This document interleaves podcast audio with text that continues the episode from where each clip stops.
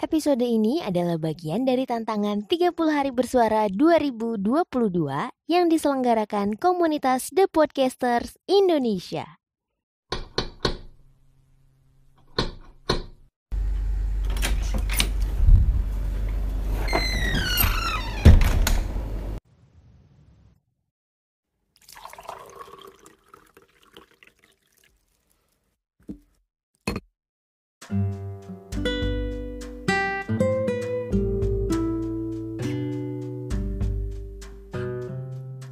Podcast ini eksklusif hanya di Spotify.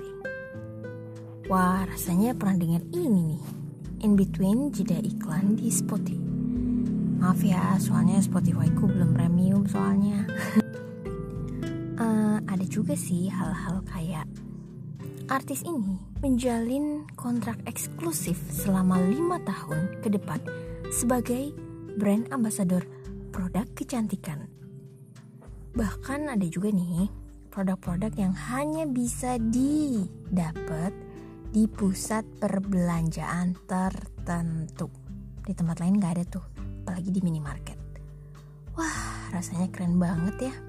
Dapat kontrak eksklusif yang gak semua orang bisa dapetin itu gitu. Plus beragam fasilitas dan fit nih kalau misalnya jadi brand ambassador yang jumlahnya pasti fantastis dikenal berbagai lapisan masyarakat. Abis itu dapat publisitas yang luas.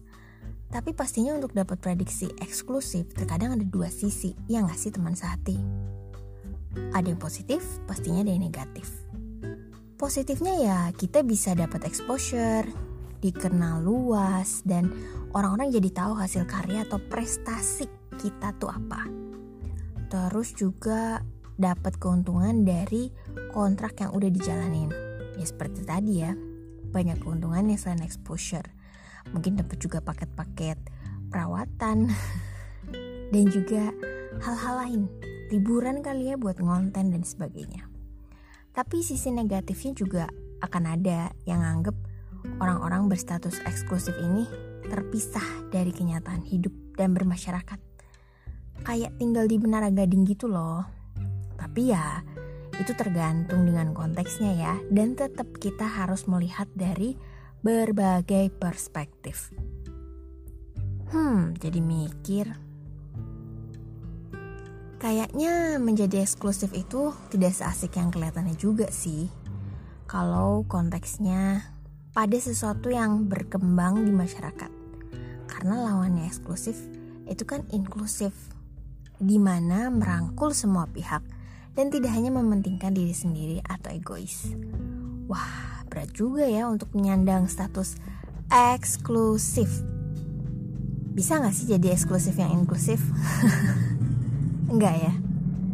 Tapi kalau misalnya podcast ini one day, one day nih ya, jadi podcast eksklusif di platform ini dan bisa menjangkau lebih banyak orang untuk jadi tempat berbagi dan bisa ngebantu menyemangati hari teman sehati.